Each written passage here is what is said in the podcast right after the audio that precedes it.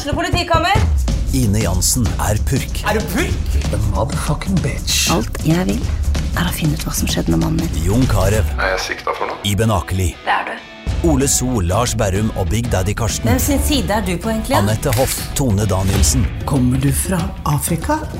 Jørnis Josef, Nesten. Kløfta. Trond Espen Seim, Det er synd å si det, men det var feil mann som døde. Purk. Premiere tirsdag på TV2 Play.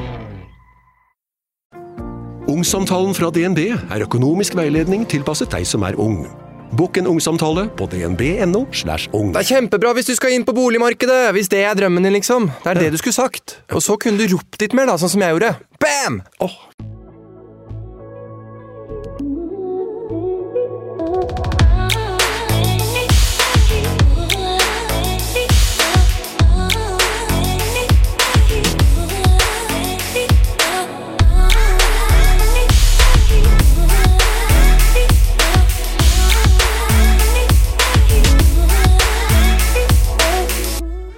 Møt Råda. Forbilde, mammaen, vernepleieren og modellen. For å nevne noe. Råda kom til Norge som flyktning da hun var åtte år gammel, fra krig i Somalia. Allerede da hun var så ung, så leste hun eh, motemagasinet Vogue. Og hun skulle bare visst at hun en dag kom til å være en av de som hun selv som ung jente satt og leste om, studerte antrekkene til og lot seg inspirere av. Det skulle hun visst da gutten i klassen rev av henne hijaben. Det skulle hun visst da hun og vennene hennes ikke turte å hente fotballen som havna i hagen til naboen da de lekte, i frykt for å bli jagd. Det skulle hun visst da hun ikke fikk lov til å gå på bussen. Det skulle hun visst alle gangene hun har blitt kalt rasistiske ting. Alle gangene hun har møtt fordommer og mennesker som har bedt hun om å være noe annet enn det hun er. For Råda ville ikke være den usikre, utrygge og lille flyktningen som bare skulle føye seg og ikke heve stemmen sin, som liksom måtte forandre seg, som måtte kontrolleres. Nei da. I stedet for så gjorde hun det stikk motsatte. Hun ble vernepleier. Hun ble mamma. Hun ble internasjonal modell. Hun ble selvsikker. Hun ble tøff. Hun ble trygg. Hun ble et forbilde. Men mest av alt så ble hun Råda.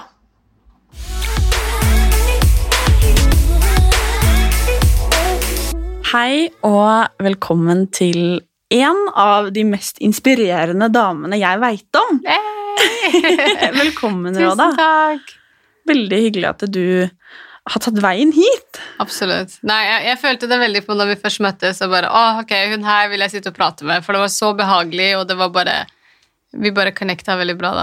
Så hyggelig. Det ble jeg veldig glad for. Mm. Og jeg er jo veldig nysgjerrig på hvem du er, og hva din historie er, og Mm. hvordan i alle dager du har kommet deg dit du er i dag. For Mm. den Det har jo Altså, du, man hadde kanskje ikke trodd det. Nei. Og det er, um, og det er jo noe av det som gjør deg så vanvittig inspirerende. At du Mm. egentlig kanskje mot alle odds har Mm. Ja, vi snakka litt om det før. Kommet på Melk og Honnings uh, mektigste mote... Hva var det? Profilene? Eller, Ja, altså, personligheter. personligheter. Ja, Ja, på mm. 14.-plass i Norge. Ja. Det er ganske heftig. Det er det. Og i hvert fall når man ser de menneskene man er i selskap med, så tenker man jo shit, liksom, de her er ganske store og veldig mektige. Så det å få være med som liksom lille Råda, så det, det er ganske kult. Man føler seg veldig anerkjent for eh, av sin egen folk, da, på en måte. Mm. Mm. Og det er veldig fortjent. Takk. Men la oss begynne. For de som ikke kjenner deg, og mm. gjerne vil vite mer om deg. Mm. Hvem, hvem er du? Eh, Jeg sier alltid at jeg er Råda, vernepleier, mamma, det vanlige modell. Jeg tror det er egentlig det man jeg, jeg har alltid vært veldig imot at når man spør hvem er det, at man skal begynne å si hvilket yrke man har. Fordi jeg føler man er så mye mer enn det. Men det sier jo kanskje litt om en person når man forteller hva man jobber med også. For eksempel hvis jeg sier jeg er vernepleier, så kan man jo tenke ok, hun er en omsorgsperson, og det er jeg jo. Jeg liker å gi omsorg og liker å ta vare på folk og sånn. Um, men ja, det er den enkle versjonen. Mm. Og modell. Og modell, ja. Eh, vi skal jo komme litt inn på det, men det er jo Mm. to eh, kanskje rake motsetninger til hverandre. Ja, veldig. Men la meg få høre. Hvordan har liksom din Hvordan begynte din historie? Hvordan har du endt opp her hos meg eh, ganske mange år etter? Ja. Nei, jeg tror eh, Så tenker du innenfor mote? Eh, Eller- nei, vet du hva, vi kan begynne fra du egentlig altså, ble født. Ja. Hvem, hvem var du da? Hvordan har du på en måte Hva Jeg har er historien vært, din? eh, jeg har alltid vært den derre Eller foreldrene mine har vært veldig opptatt av at um, at vi skal bygge vår egen lykke. At du kan alltid bestemme din egen historie. Uh, så uansett hvilken situasjon vi var i, um, eller miljøet rundt oss, så prøvde de veldig å motvirke det. Eh, for jeg vokste opp i flyktningleir før jeg kom til Norge. Eh, og asylmottaket vi bodde i Norge, var også et ganske fælt sted å være på. Og da var foreldre, særlig mamma, var veldig på at eh, du må gjøre alt du kan for å ikke bli påvirket av det som er ute i verden, for det kan du ikke kontrollere. Um, og så når man er jente, svart og går i hijab, så er det så veldig mange mennesker eh, Eller du er så annerledes, da, og så er det veldig mange mennesker som ikke liker deg for hvordan du ser ut og hvem du er. Eh, og man skal hele tiden sette, sette deg på plass, fordi du skal vite hvor du tilhører, og du skal ikke eh, si mot voksne, du skal ikke stå for ditt, og du skal høre, for du er et lite barn, du er flyktning, og du eh, Jeg følte da jeg var liten at verden var veldig klar på å fortelle meg hvem jeg var, og jeg var ikke alltid fornøyd med den historien de fortalte meg.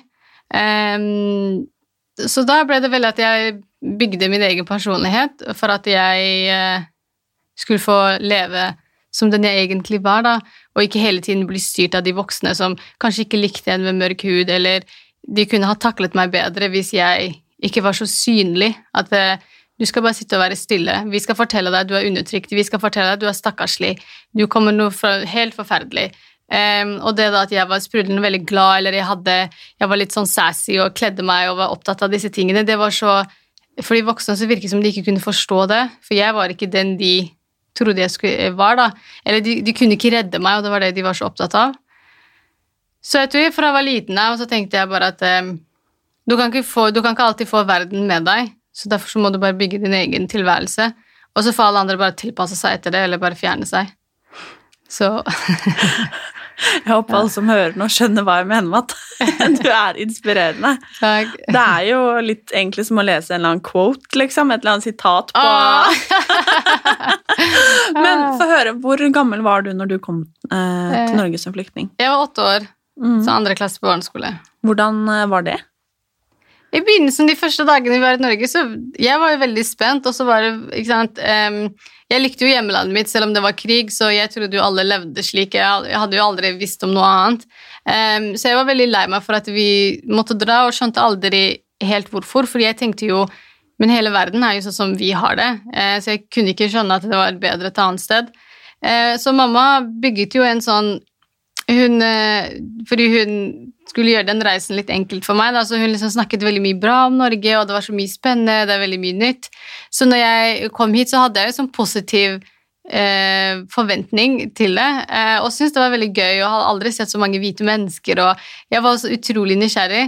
Eh, og jeg gledet meg til å lære språket, for jeg hadde veldig mange spørsmål eh, som min mor nektet å svare på. Fordi hun bare 'Du må lære norsk, og så må du spørre nordmenn'.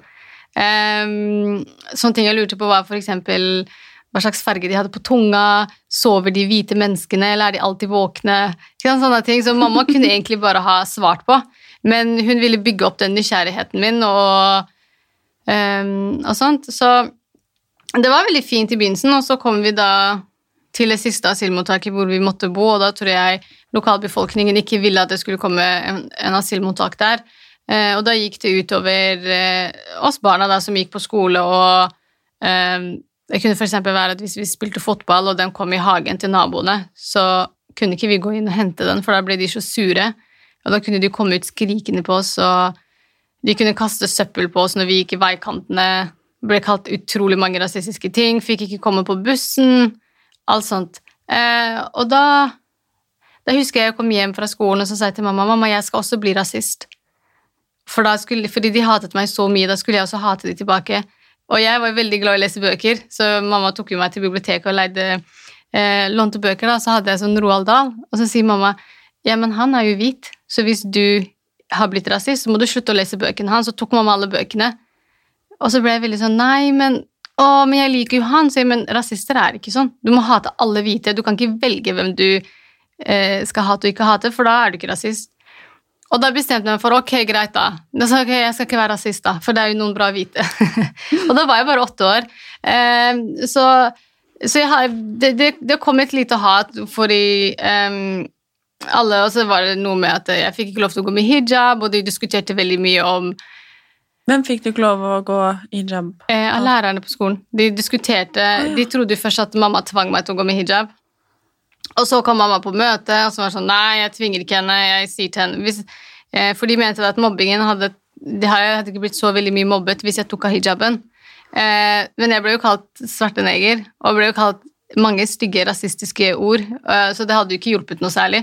Men eh, det gjør noe med deg når du sitter i et møterom, og det er fire voksne, og alle diskuterer om hvordan du ser ut, eh, og skal fjerne det og drive og For du får en sånn forståelse av at det er deg det er noe galt med. For det var ingen som, i stedet for å snakke til de barna som mobbet meg, og prøve å få de til å slutte, så var det enklere å fortelle hun lille flyktningjenta at men her i Norge så er vi alle fri.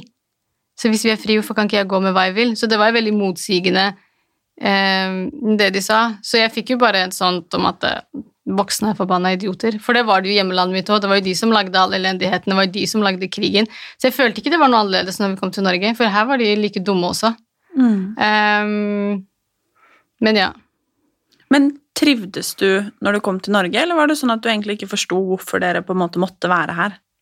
Um, jeg tror, jeg forsto ikke på vei til hit, men når vi kom til Norge og, så, og jeg så at det, her var det ikke noe militære, her var det, politiet var ikke skumle, og, og sånn, så skjønte jeg jo eh, Shit, liksom. Ok, vi har kanskje hatt det veldig ille, og her kan det være, voksne kunne være ute på kvelden, det var ingen som banket på leiligheten deres for å ransake den, og? Det var ikke noe, og folk ble ikke plutselig tatt, ikke sant? Eh, så jeg skjønte jo på en måte at det var eh, eh, Da fikk jeg en sånn forståelse av at ok, fy søren. Hvorfor er det noen som har det sånn? At de her har det så trygt, og alt er bra her, mens yeah, vi hadde ikke det. Eh, så jeg, jeg, jeg forsto det da, men når vi flyttet fra, flytning, eh, når vi flyttet fra asylmottaket og eh, vi kom til Skien, da var det veldig annerledes, fordi der var det ikke det var, eh, jeg, følte, jeg tror det var første gang jeg ikke følte meg redd. Jeg kunne være ute og leke, og jeg måtte ikke løpe fra de voksne. fordi på asylmottaket så pleide jeg altså, krysse veien hvis jeg så en hvit voksen person som kom mot meg, for jeg visste jo aldri hva de skulle gjøre. Eh, mens i Skien så, så var det ikke det, og det tror jeg var første gangen jeg følte at eh, ok, her kan jeg være et barn. Jeg må ikke stadig vekk se over skulderen min.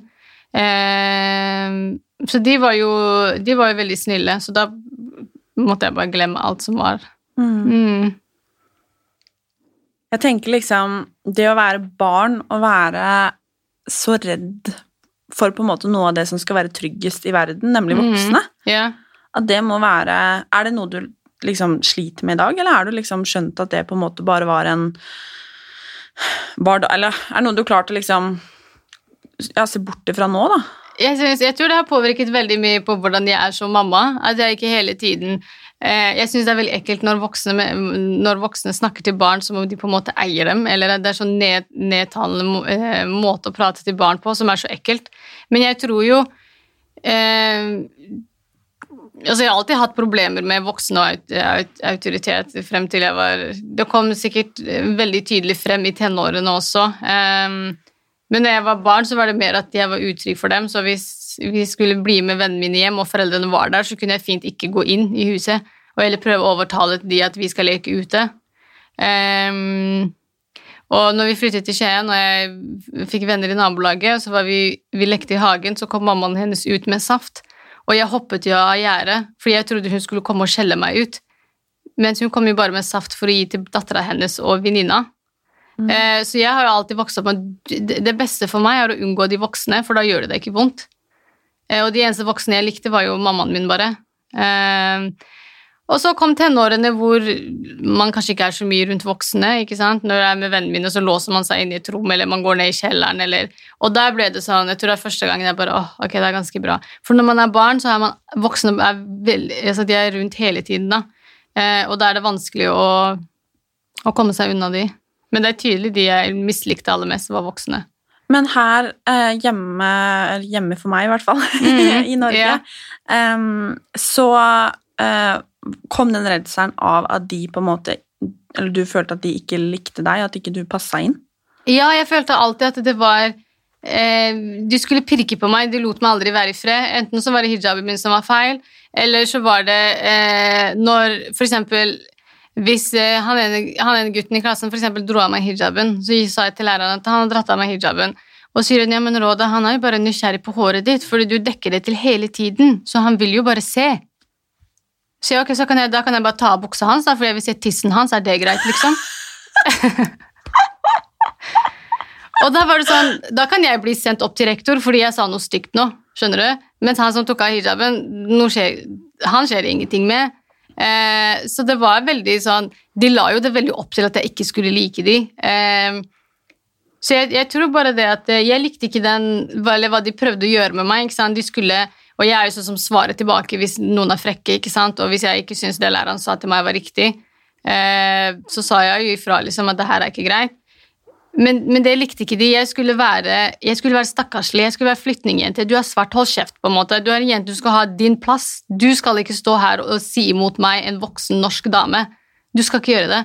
Og det syns jeg var irriterende, for du kunne se tydelig på hvordan de behandlet meg, og hvordan de behandlet de andre i klassen.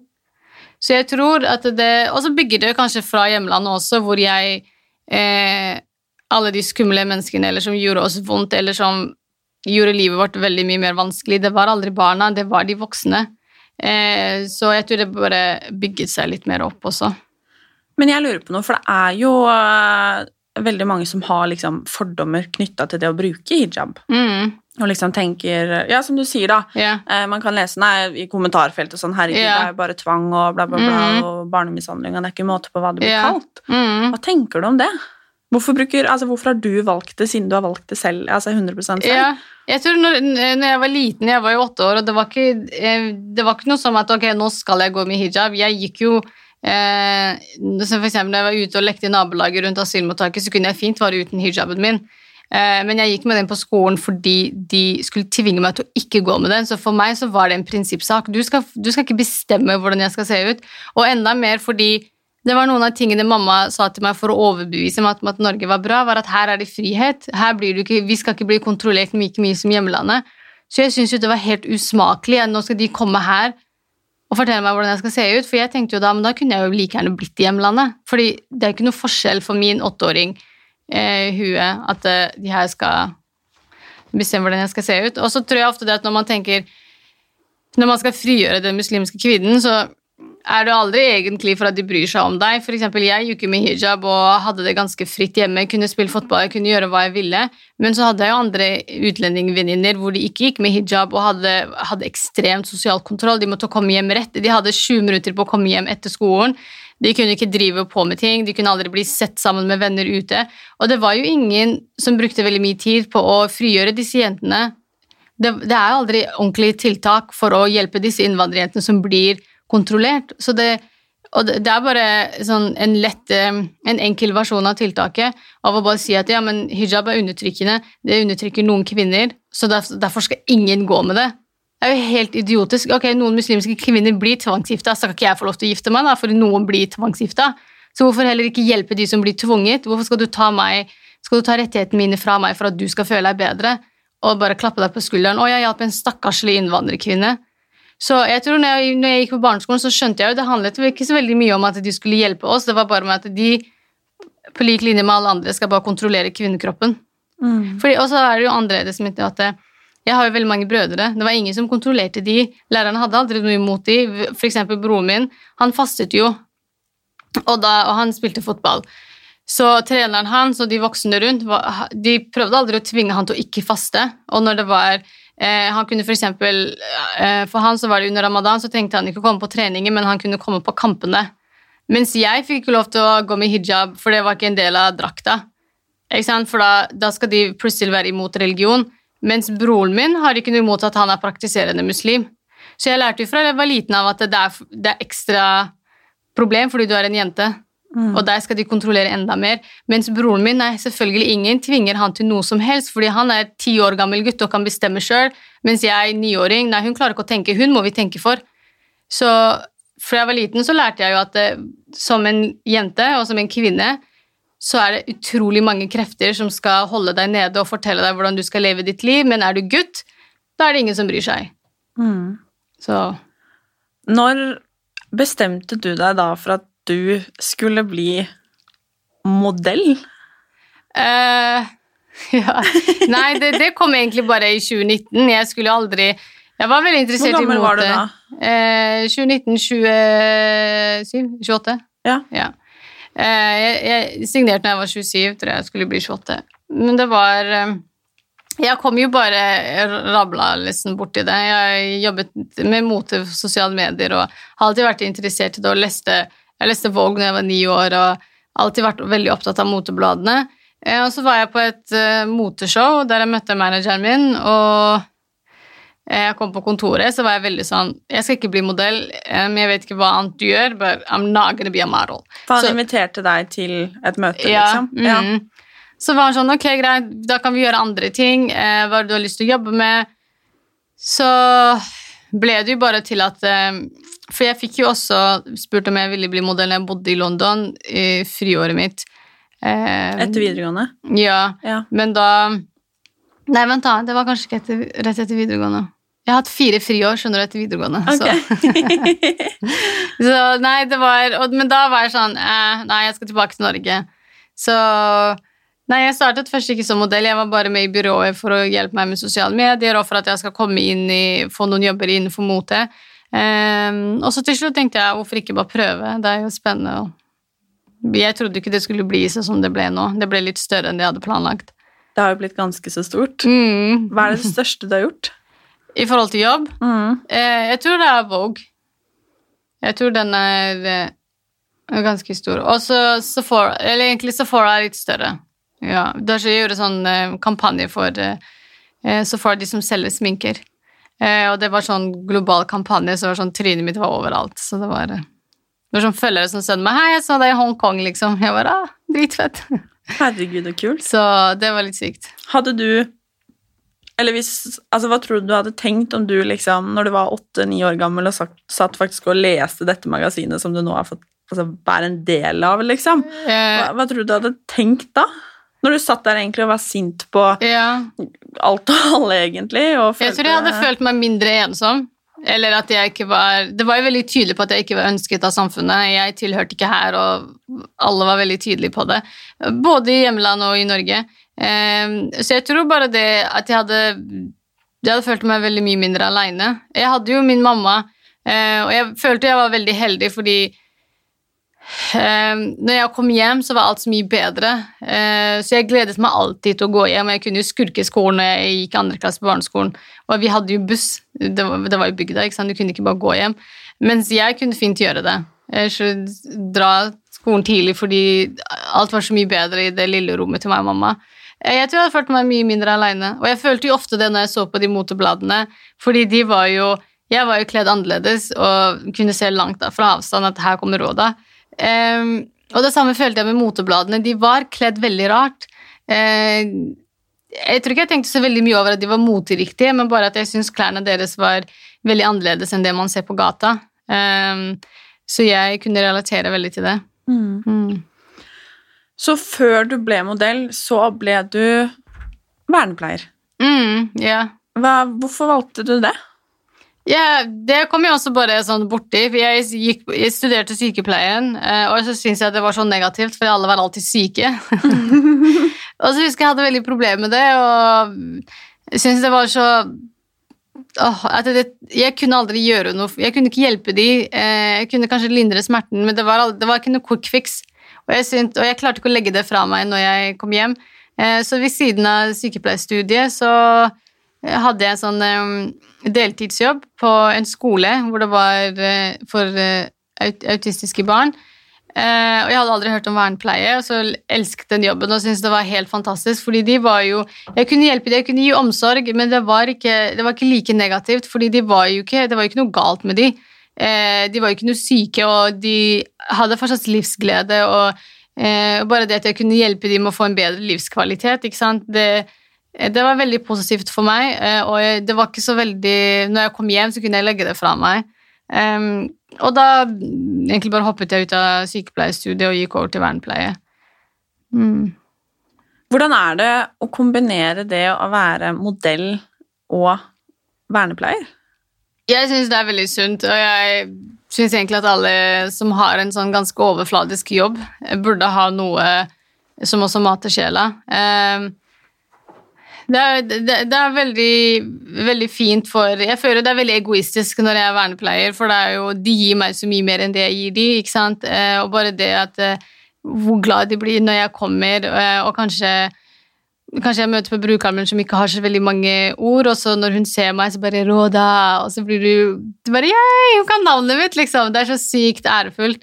Eh, det, det gir meg bare utrolig mye glede, fordi de er så Um, de er så utrolig herlige, og ikke, de gjør seg ikke til. Ikke sant? De har de interessene de har. Elsker de tog, så elsker de tog. Og hvis de ikke liker deg, så vet du at de ikke liker deg.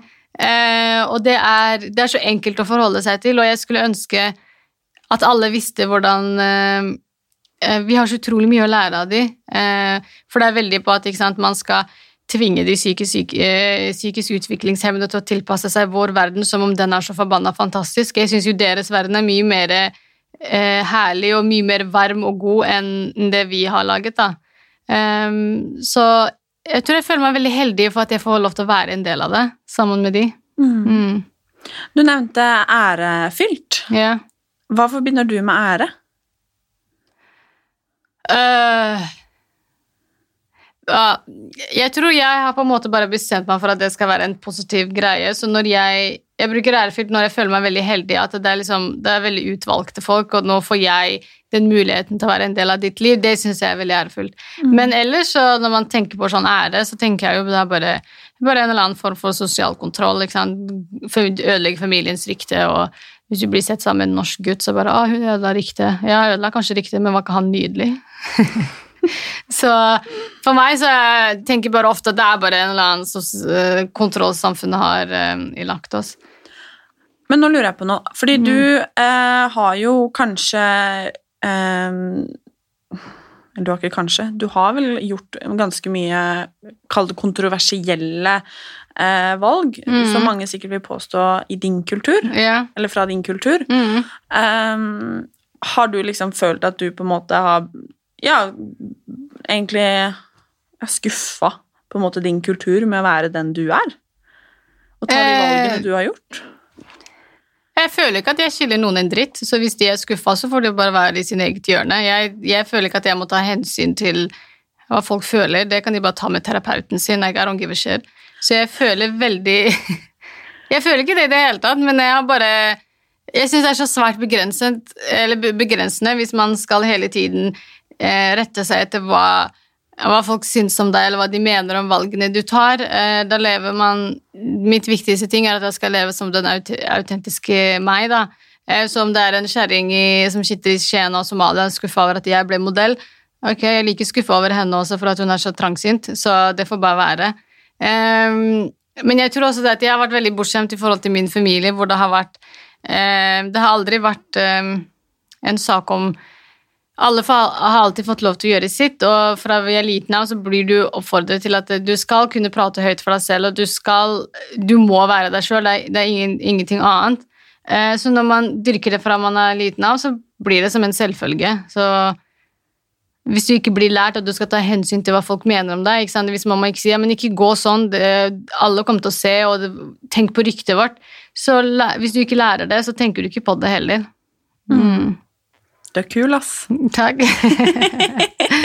um, men jeg lurer for at du er jo uh, Du har jo med deg uh, hijaben din på jobb som modell òg. Mm. Det er jo deg. Yeah. Um, hvor mange modeller med hijab er det egentlig? Uh, vi er ganske få, men vi begynner å bli litt flere nå, tror jeg. Jeg vil kanskje tippe seks-syv stykker nå. I hele verden? Ja, jeg tror det. Wow. Som jeg vet om, da. Eller som er på sosiale medier. Ja, og- ja, ja. Mm. Hvor viktig er det? Ja, det er veldig viktig, for det er Nummer én er fordi at muslimske kvinner med hijab bruker jo veldig masse penger på mote. Eh, hvis man drar til Paris, så ser man det kanskje de arabiske damene og afrikanske eh, damene med mye penger som kommer til Europa for kun å shoppe. Um, De har altså så kul stil. Jeg Ja, må bare si det. Det helt altså, jeg er liksom Ja. da, Når jeg ser noen av disse damene Ja. Altså, jeg kan bare drømme meg bort, liksom. Det er, eh, så, det er, så jeg har alltid tenkt at ok, men hvis vi bidrar så mye til den industrien, så må jo vi ha en del av kaken. Så hvorfor kan de ikke ha en kampanje hvor vi faktisk blir eh, presentert? Og hvorfor er det sånn at eh, altså, vi skal være utelukket fra det synlige i moteverden, mens egentlig så er det en billionbusiness vi bruker pengene på. Um, så for meg så har det bare vært sånn Det er jo egentlig ikke noe stort at kvinner, muslimske kvinner er i motebransjen, men eh, nå er det bare at vi skal være litt mer synlige, vi skal gjøre kampanjene, og mest egentlig for, for de kvinner som bor i Europa, da, som kanskje blir eh, diskriminert pga. hijaben deres. Belgia har jo vedtatt ny lov nå hvor man ikke kan bruke hijab på universitetet, så hvis du skal ha høyere utdanning og du bruker hijab, så kan du ikke det. Eh, så det er jo veldig mange sånne ting som er ute og går, og derfor er det veldig viktig at man, man tvinger seg litt frem. Tror du at eh, motebransjen er på vei til et bedre sted enn der det har vært, der det var bare en så høy, så tynn, eh, lysblond ung mm. jente, liksom, som var på en måte idealet, da? Ja. Jeg tror det begynner å bli bedre, men det er, de er som babyer. Det tar dritlang tid for at de skal skjønne noe som helst, så man må jo bare påvirke pengene deres. Så hvis ikke det er en Og jeg tror ikke forbrukerne forstår hvor mye makt de har. Så jeg prøver å gjøre det via mine sosiale medier. At hey, hvis, hvis du ikke er enig med verdiene til et uh, motemerke, så skal ikke du gå og kjøpe veska fra det merket der, for mest sannsynlig så fins det en ganske lik væske et annet sted som er like bra, om ikke bedre. Um, så det begynner jo å bli bedre, men det er jo egentlig bare for at det, før, så har, før så kan de gjøre akkurat hva de vil, så er det ingen som stiller de til ansvar. De har jo, det har bare vært helt crazy. De kan gjøre akkurat som de vil, si hva de vil, sette hvilken grenser det er. Eh, og så har man bare liksom, nærmest tvunget kvinner til å se ut som hodet til en fransk redaktør. Og det er jo ikke sånn, han ser jo ikke sånn ut sjæl, liksom. Og jeg kødder ikke alle på castingfolk som bestemmer hvordan kvinner skal se ut. De ser ikke sånn ut engang. Så det er jo bare sånn, det er helt latterlig. Hvorfor skal jeg se ut som det bildet du har i huet ditt, hva- hva en kvinne burde se ut som? Um, så nå tror jeg de blir stilt litt mer et ansvar. Ehm, og forbrukerne har litt mer å si pga. sosiale medier, og folk snakker litt mer frem. Så de har blitt tvunget til å endre seg. Det, mye av det er faktisk ikke frivillig, eh, men de må tilpasse seg. Tenk hvor dust det egentlig er, da. At man i så mange år har brukt altså én type kvinne Ja. til å skulle selge klær til hele verdens kvinner. Det er jo Mm. Det er egentlig helt- liksom helt idiotisk. Ja. Og så er det ikke en liten bransje. Det er om ikke trillioner, det er i hvert fall eh, billioner. Så det er sånn, hvorfor er det ingen som har steppet inn og sagt hei, dere ødelegger så mange liv, dere påvirker så utrolig mange, dere har kjempemye makt, skjerp dere, liksom. Det er ingen som har det, så derfor så har de vært, fått lov til å være drittsekker. Ja, men det er jo det du sier der, liksom. For jeg tenker at det, um, hvis man ser Eller jeg føler i hvert fall hvis jeg ser en modell som ser ut som meg, Mm, da har jeg mye mer lyst på den genseren. at. Hvis jeg bare Ja. føler at oi, hun har på den, den var hun dritfin i, den kommer jeg aldri til å være fin i. Ja. Altså, Jeg skjønner ikke at ikke de har altså, evna å tenke så langt, liksom. Nei, og så mye, mye av eh, ideologien de har bygget det på, er at eh, du skal føle deg dritt, for når du føler deg dritt, så trøster du deg ved å shoppe mer. Så du kjøper kanskje ikke den klærne hun dama har på seg, men du, av, du kommer fra et sted av skamfull, du føler deg Du skammer deg. Eh, så, så jeg er veldig på at man skal vrenge på det, da, og at, at man ikke handler, går ut og shopper fordi du føler deg dårlig med deg sjøl, fordi de har gitt deg ganske dårlig selvbilde, men at du shopper for det første fordi du trenger det plagget der, og for at du skal føle deg vel. Eh, fordi de plaggene man kjøper når man skammer seg, det er jo det, Jeg føler ofte at det knytter en dårlig energi til det plagget. Hvor du bestandig går og føler deg ekkel og føler deg stygg og føler deg det ene og det andre. Ehm, Og det er det de tjener masse penger på, at folk føler seg helt jævlige. Mm. Eh, Og det er det ene tingen. Hvis du kjøper den, så kommer du til å føle deg bedre, og så bombarderer de deg med ting som får deg til å føle deg dritt. Og så er kuren at du kjøper den kjolen her, og så kommer de igjen med masse. Så det er jo bare sånn Det er psykisk nedbrytende.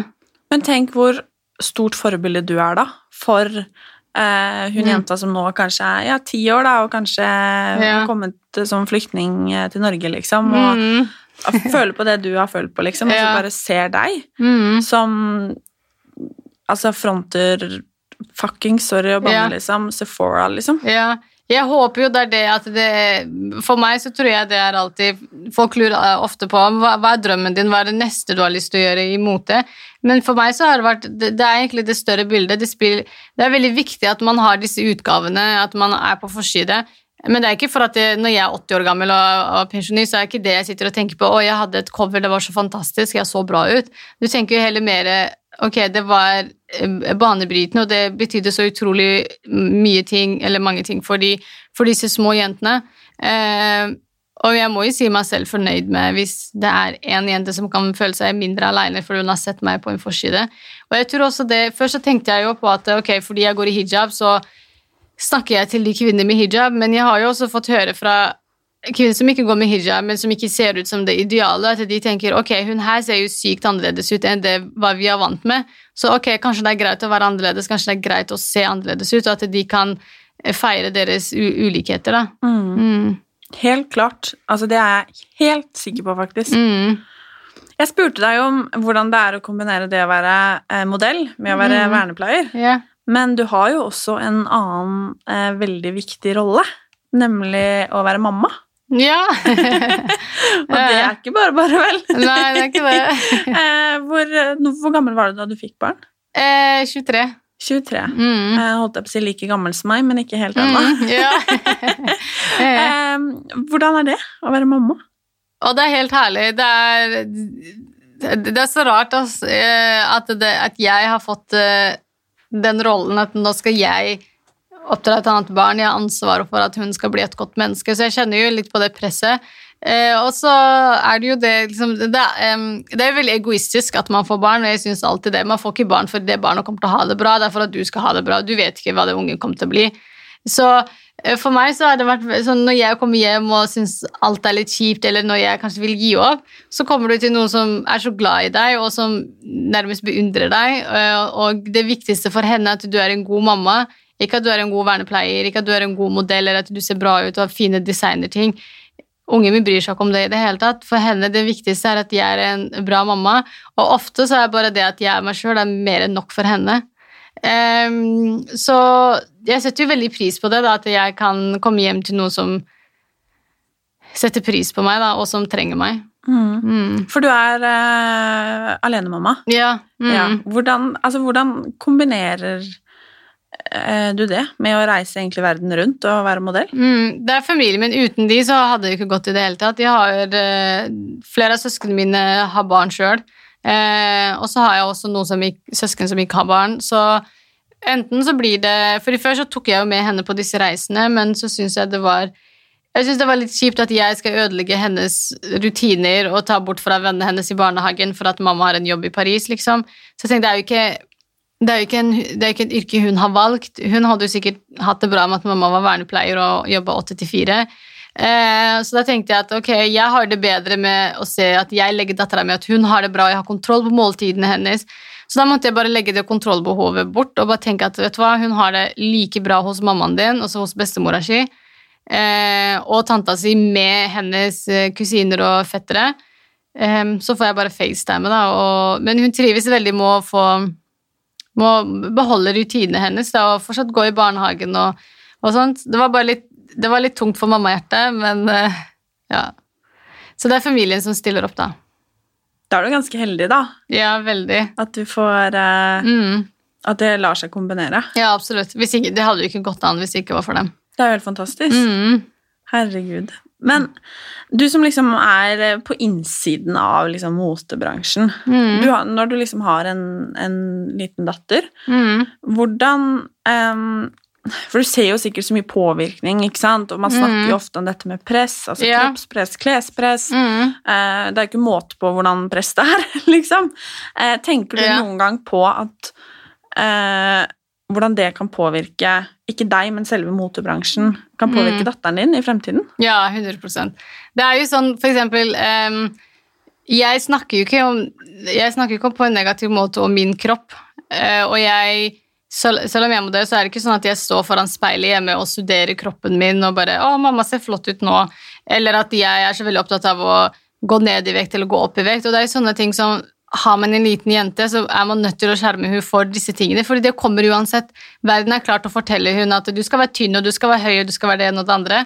Eh, så for meg så er det veldig viktig hvordan jeg omtaler min egen kropp rundt henne, og andres kropp også.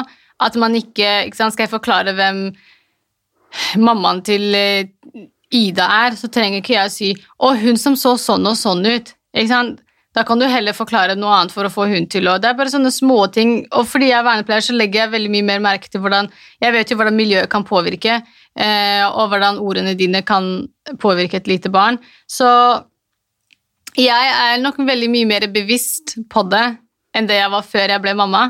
Eh, og så er det jo også Jeg føler jeg må være i motebransjen for at hun ikke skal få altså at de ikke skal bli bombardert med de samme idealene som vi ble med. ikke sant? Så tenker jeg, jeg må ta det, Selv om jeg kanskje ikke har lyst til å være modell, så må jeg ta den kampen for de yngre generasjonene, sånn at når de vokser opp, at man baner litt veien for dem. Akkurat som kvinnene som demonstrerte for at jeg skal få bestemme lov til å eh, stemme ved valg. ikke sant? Så jeg tenker jo alltid at man må alltid ta kampen for de andre som skal komme etter. Mm. Hvor opptatt er du da av eget utseende, liksom? Det er jo, det er, jobben din er jo å være Ja. smellvakker som det du er.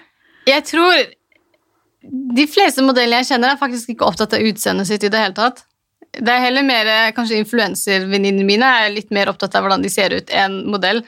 For jeg tror modeller er sånn For det første så får du vel mye bekreftelse på utseendet ditt når du er på jobb. Du har den jobben du har fordi du ser ut som du ser ut som. Eh, det er nummer én. Nummer to så er det det at eh, det er akkurat som en frisør. da. Hvis du har klippet hår i åtte timer, så går ikke du hjem og klipper enda mer hår. Så fordi jeg, har, fordi jeg er modell, så er det jo Jeg hater jo å gå med sminke nå, nærmest. Og er ikke så veldig eh, Jeg er ikke så veldig interessert i å ta bilder av meg selv, selv om det også er jobben min, og noen ganger jeg må. Um, så det blir jo bare det at du får så mye inntrykk av utseendet og det ene og det andre, sånn at du etter hvert i fritida di så blir du bare åh, det her orker jeg ikke tenke på. Så jeg klarer ikke å høre når jeg er rundt middagsbordet med venninner, så er det noen som snakker om utseendet sitt på en sånn litt sånn negativ måte, så, så klikker det fort for meg. Fordi jeg er i den bransjen som sier Nei, det må du ikke si! Det er så forbanna ødeleggende! Og, bla, bla. og kanskje før så kunne jeg la det gå, da. Bare ja, ja, ok. Eller liksom, rett før man skal gå ut på byen, så står man foran speilet, og alle sier én ting de er misfornøyde med. Det er sånn Oh my gosh, please don't do that. Alle vi har en ting, men ikke si det høyt, for da blir det ekte. Så blir det en sånn ukultur hvor alle skal si det. Så føler du press. Um, så jeg tror jeg har blitt litt mer eh, bevisst på det fordi jeg er i bransjen, enn det var før, da. Mm. Men apropos liksom forskjellen på det å være influenser og være modell. Mm. Eh, fordi i influenserbransjen så er jo liksom alt fra liksom fillers og Botox Ja. og Det er jo supervanlig. Ja. Hvor vanlig er det i altså, internasjonale motebilder, liksom? Kanskje sånn Beverly Hills-modeller har sikkert et eller annet i seg, men det får de med morsmelken, liksom. Så de, de er, noen av de har kanskje fillers, men det er ekstremt uvanlig. Det er ikke I mote så ser man jo litt ned på det, de som har fikset på utseendet, og du skal aldri det, og um, Så I hvert fall den type modell jeg er, som når man er i, i high fashion og sånn, så er ikke det Til og med det andre også, nei. Det er ikke uh, Nei. Det er ikke greit, liksom. Det får du vite ikke er greit. Og det, og det er ganske Jeg tror jeg aldri har sett en modell som har fikset på utseendet. Nei. Det er jo egentlig litt fint fint å vite, da. Det er tross alt. veldig, ja, men Folk tror det, men nei, det er ikke det i det hele tatt. Og så er det jo veldig mye med Når vi er ferdig og det er sånn, Når vi er ferdig med en kanskje tolvtimersvakt eller noe, alle tar på seg en slitt jeans eller en joggebukse hetta over inn i en Uber, og så bare slapper man av. Det er ikke sånn at å, ok, nå skal jeg ha på fine klær og ut av shooten, liksom. Det gjør kanskje de der mest kjente modellene fordi de vil bli fotografert, liksom. Eh, Men ellers, folk de er ganske slaske med hvordan de ser ut. Og der, hvis du googler model off duty, de ser jo ikke bra ut. liksom. Alle går bare i skinnjakke og et svart bukse for å ikke bli sett. Eh, så jeg tror når du er rundt klær hele tiden, og i hvert fall eksklusive eller luksuriøse klær, så blir du drittlei etter hvert. Mm. Er det sånn at du har liksom mye dyre merkevarer og sånn sjæl, liksom? Hvordan blir det? Når du Jeg har fått liksom- veldig mye.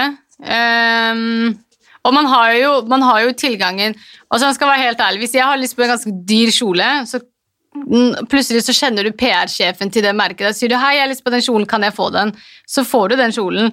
Eh, så du bygger jo disse nettverkene hvor du har tilgangen til eh, klær, og det er, jo, det er jo derfor moteyrket er så forbanna eksklusivt, fordi de vil ikke at det her skal være tilgjengelig for alle. Eh, og det er jo ganske lukket miljø også. Eh, så du kan få tak i Jeg kunne jo vel ha hatt mer designerklær hvis jeg ønsket det, og hvis jeg var en som samlet på disse tingene.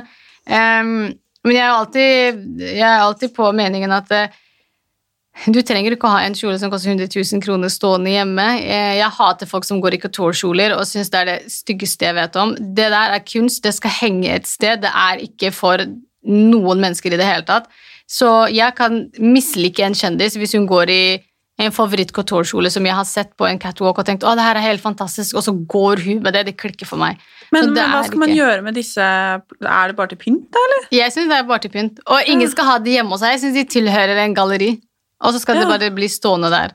Man skal okay. ikke eie det. Jeg syns det er Det er så jeg får helt avsmak. Og det er, I tillegg fordi det er så dyrt, og det er masse arbeid som har gått i det. Veldig mange mennesker har jobbet med det. Det er detaljert i det minste. Og som en motenerd så syns jeg det er helt Ingen er så viktig at de skal bære den kjolen. Det er nesten så umenneskelig. Just don't touch it.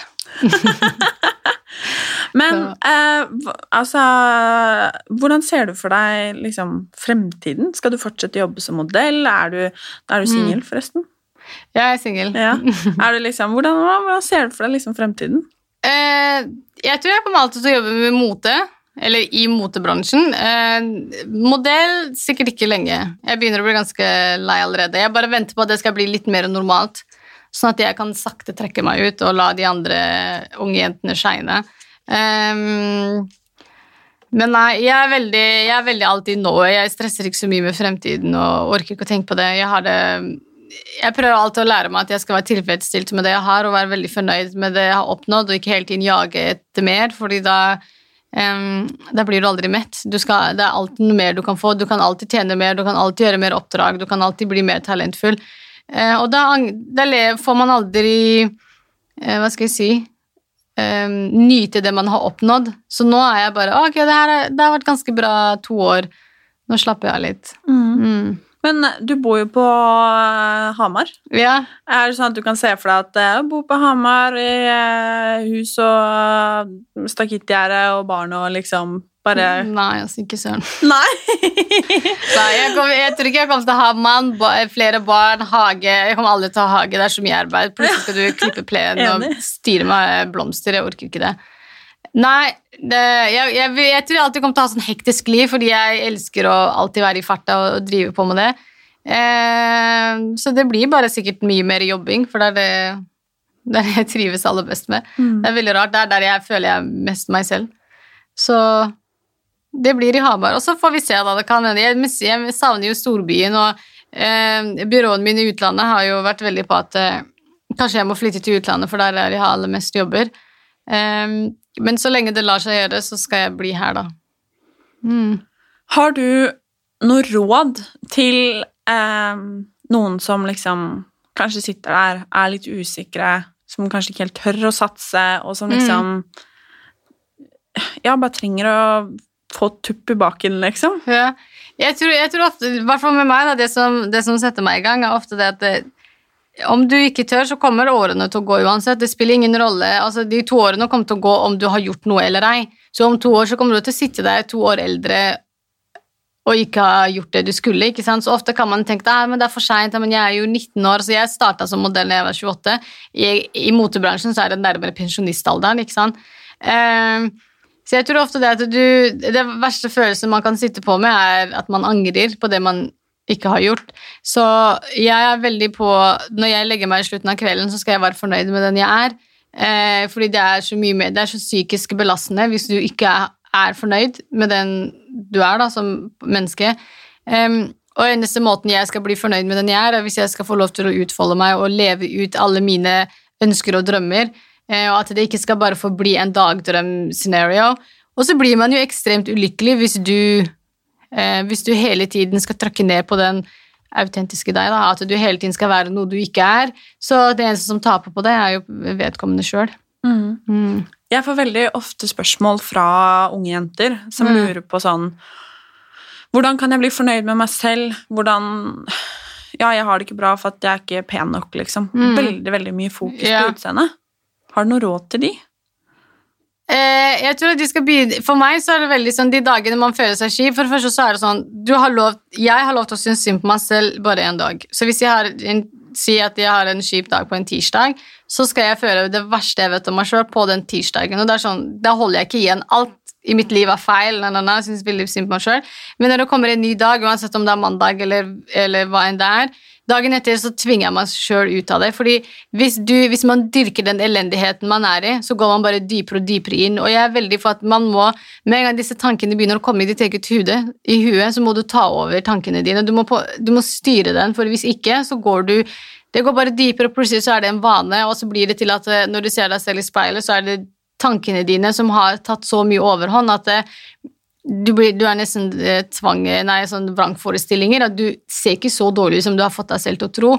Så om det gjelder utseende eller om det gjelder andre ting man ikke føler at man ikke mestrer, så det hele starter først med én tanke, og hvis du underholder den tanken, så blir det ti tanker, så blir det sju tanker, og plutselig så kommer du til et punkt hvor du ikke kjenner deg selv igjen. Er- den elendigheten har tatt helt over, overhånd. Så jeg er veldig på at eh, med en gang du merker at den tanken begynner å komme bort, det beste du kan gjøre, er å kjempe alt du har mot den, sånn at den ikke formerer seg, på en måte. Eh, og det kan jo, jeg, jeg kan jo også føle veldig på det når jeg skal inn i et rom hvor jeg vet at det er ganske mange mektige folk, og de kan kanskje own av et kjempestort merke, og så føler jeg at ok, nå må du prestere.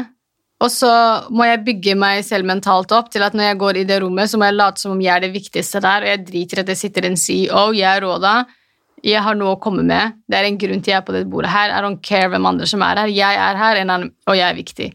Eh, Nå fikk jeg gåsehud. Ser du det? ja, takk. For jeg tror, jeg tror ofte det at liksom For meg så tenker jeg alltid at det eneste Hvis jeg skal være egoist, så tenker jeg hvem er det jeg vil skal vinne denne saken her? Er det meg, eller er det noen andre? Så hvis du underholder disse negative tankene, en som taper, der, er. Alle andre kommer til å ha det bra. I hvert fall når du føler at det er folk som trykker deg litt ned.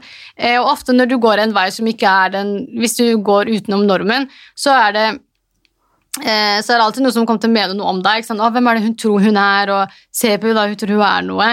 Eh, og hvis du da skal lytte til alle mennesker og, og på en måte forme deg etter deres tanker, så er det bare du som kommer til å slite psykisk, fordi du tillater deg ikke selv til å være det du er. Og alle er jo viktige. Og, det, jeg syns det er helt usmakelig at man skal prøve, føle godt om seg sjøl ved å få andre til å føle seg smålig. ikke sant?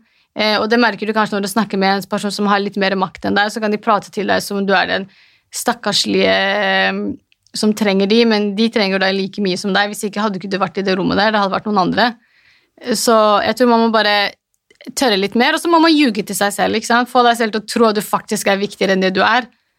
Og så etter hvert så blir det en sånn vanesak at ah, ok, I'm the shit, hva kan jeg gjøre? Wow. Mm. Jeg er i hvert fall inspirert. Takk. Jo, men Mm. det er liksom Du er ordentlig kul, altså. Takk. Du er skikkelig, skikkelig viktig. Takk skal du ha. Både for meg Mm. og garantert for veldig, veldig mange andre. Mm. Jeg, jeg, jeg håper at vi kan endre den kulturen vi har, i hvert fall for unge jenter, at vi hele tiden skal føle det prestasjonspresset, eller at vi Du skal alltid bedre em, Du skal alltid være bedre eh, Eller alle andre er så mye bedre enn deg, og du er helt elendig, og det og det kan kanskje starte med at det, du har foreldre som kommenterer på andres utseende, eller at du blir veldig du I miljøet du er i, enten om det er skole eller rundt venninnegjenger, eh, de har veldig fokus på ditt utseende, at det ikke er bra nok, og så bare bygger det seg, og så blir man voksen da, og, og sliter, sliter veldig. Um, så det er veldig en ukultur. Jeg husker jo når vi var ungdommer, det var jo sånn Man sto foran speilet, og alle skulle si én ting de ikke likte ved seg selv. Det er, det er så rart. Altså på jentedoen, liksom. Sånn, å, det her er feil, og det her er feil, og, og det er jo ofte sånn man hører, eksempel nå da, som jeg er modell, så det er så rart, fordi folk er veldig, opp, folk er veldig hengt opp på at det, de vil vite at en modell ikke er fornøyd med sitt utseende. Så er ja, men si en ting du ville ha forandret deg da. Ok, hvis du kunne tatt en operasjon, hva ville du ha endret på? Så hva er det som sier sånn til folk? Det er så ødeleggende. Og jeg sier bare, Hvis jeg kunne tatt operasjon, så hadde jeg tatt operasjon på din personlighet, for du er helt for jævlig. Du kan ikke gå og spørre folk om hva de har lyst til å endre på seg. Og det, who? Hvem er, hvem er det du tror du er, som du kan starte en samtale, eller du er i en samtale så bare 'Jeg hadde forandret på det og det. Hva ville du ha forandret på?' Din personlighet, det hadde jeg forandret på. Ferdig med saken. Og det er jo bare Og at du kan få meldinger fra sånn plastiske kirurgere og klinikker og bare 'Hei, vil du komme til oss?' Så, åh, du bare Fy søren, altså. Da har vi gått langt ned. Hvis de er så komfortable med å kontakte folk som ikke har vært i kontakt med de, og spørre hei, vil du ha en gratis eh, filler eller operasjon. Så det er bare Har du et motto? Altså en sånn livsmotto som du følger?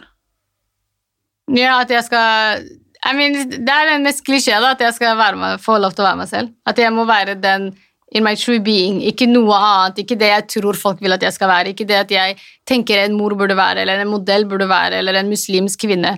Men at jeg eh, skal få lov til å utfolde meg selv og utforske alle sider av meg. Mm. Tusen takk for at eh, du er du, og for at du ville komme hit og eh, fylle podkasten min med inspirasjon. Jeg håper virkelig det er noen som føler seg mindre aleine av alt det her. Det er jeg faktisk Mm. bombesikker på.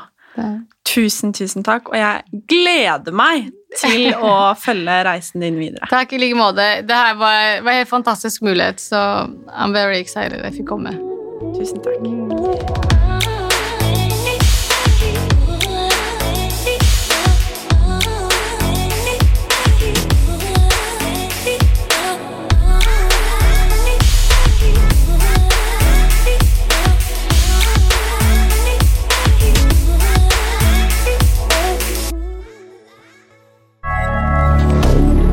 moderne media.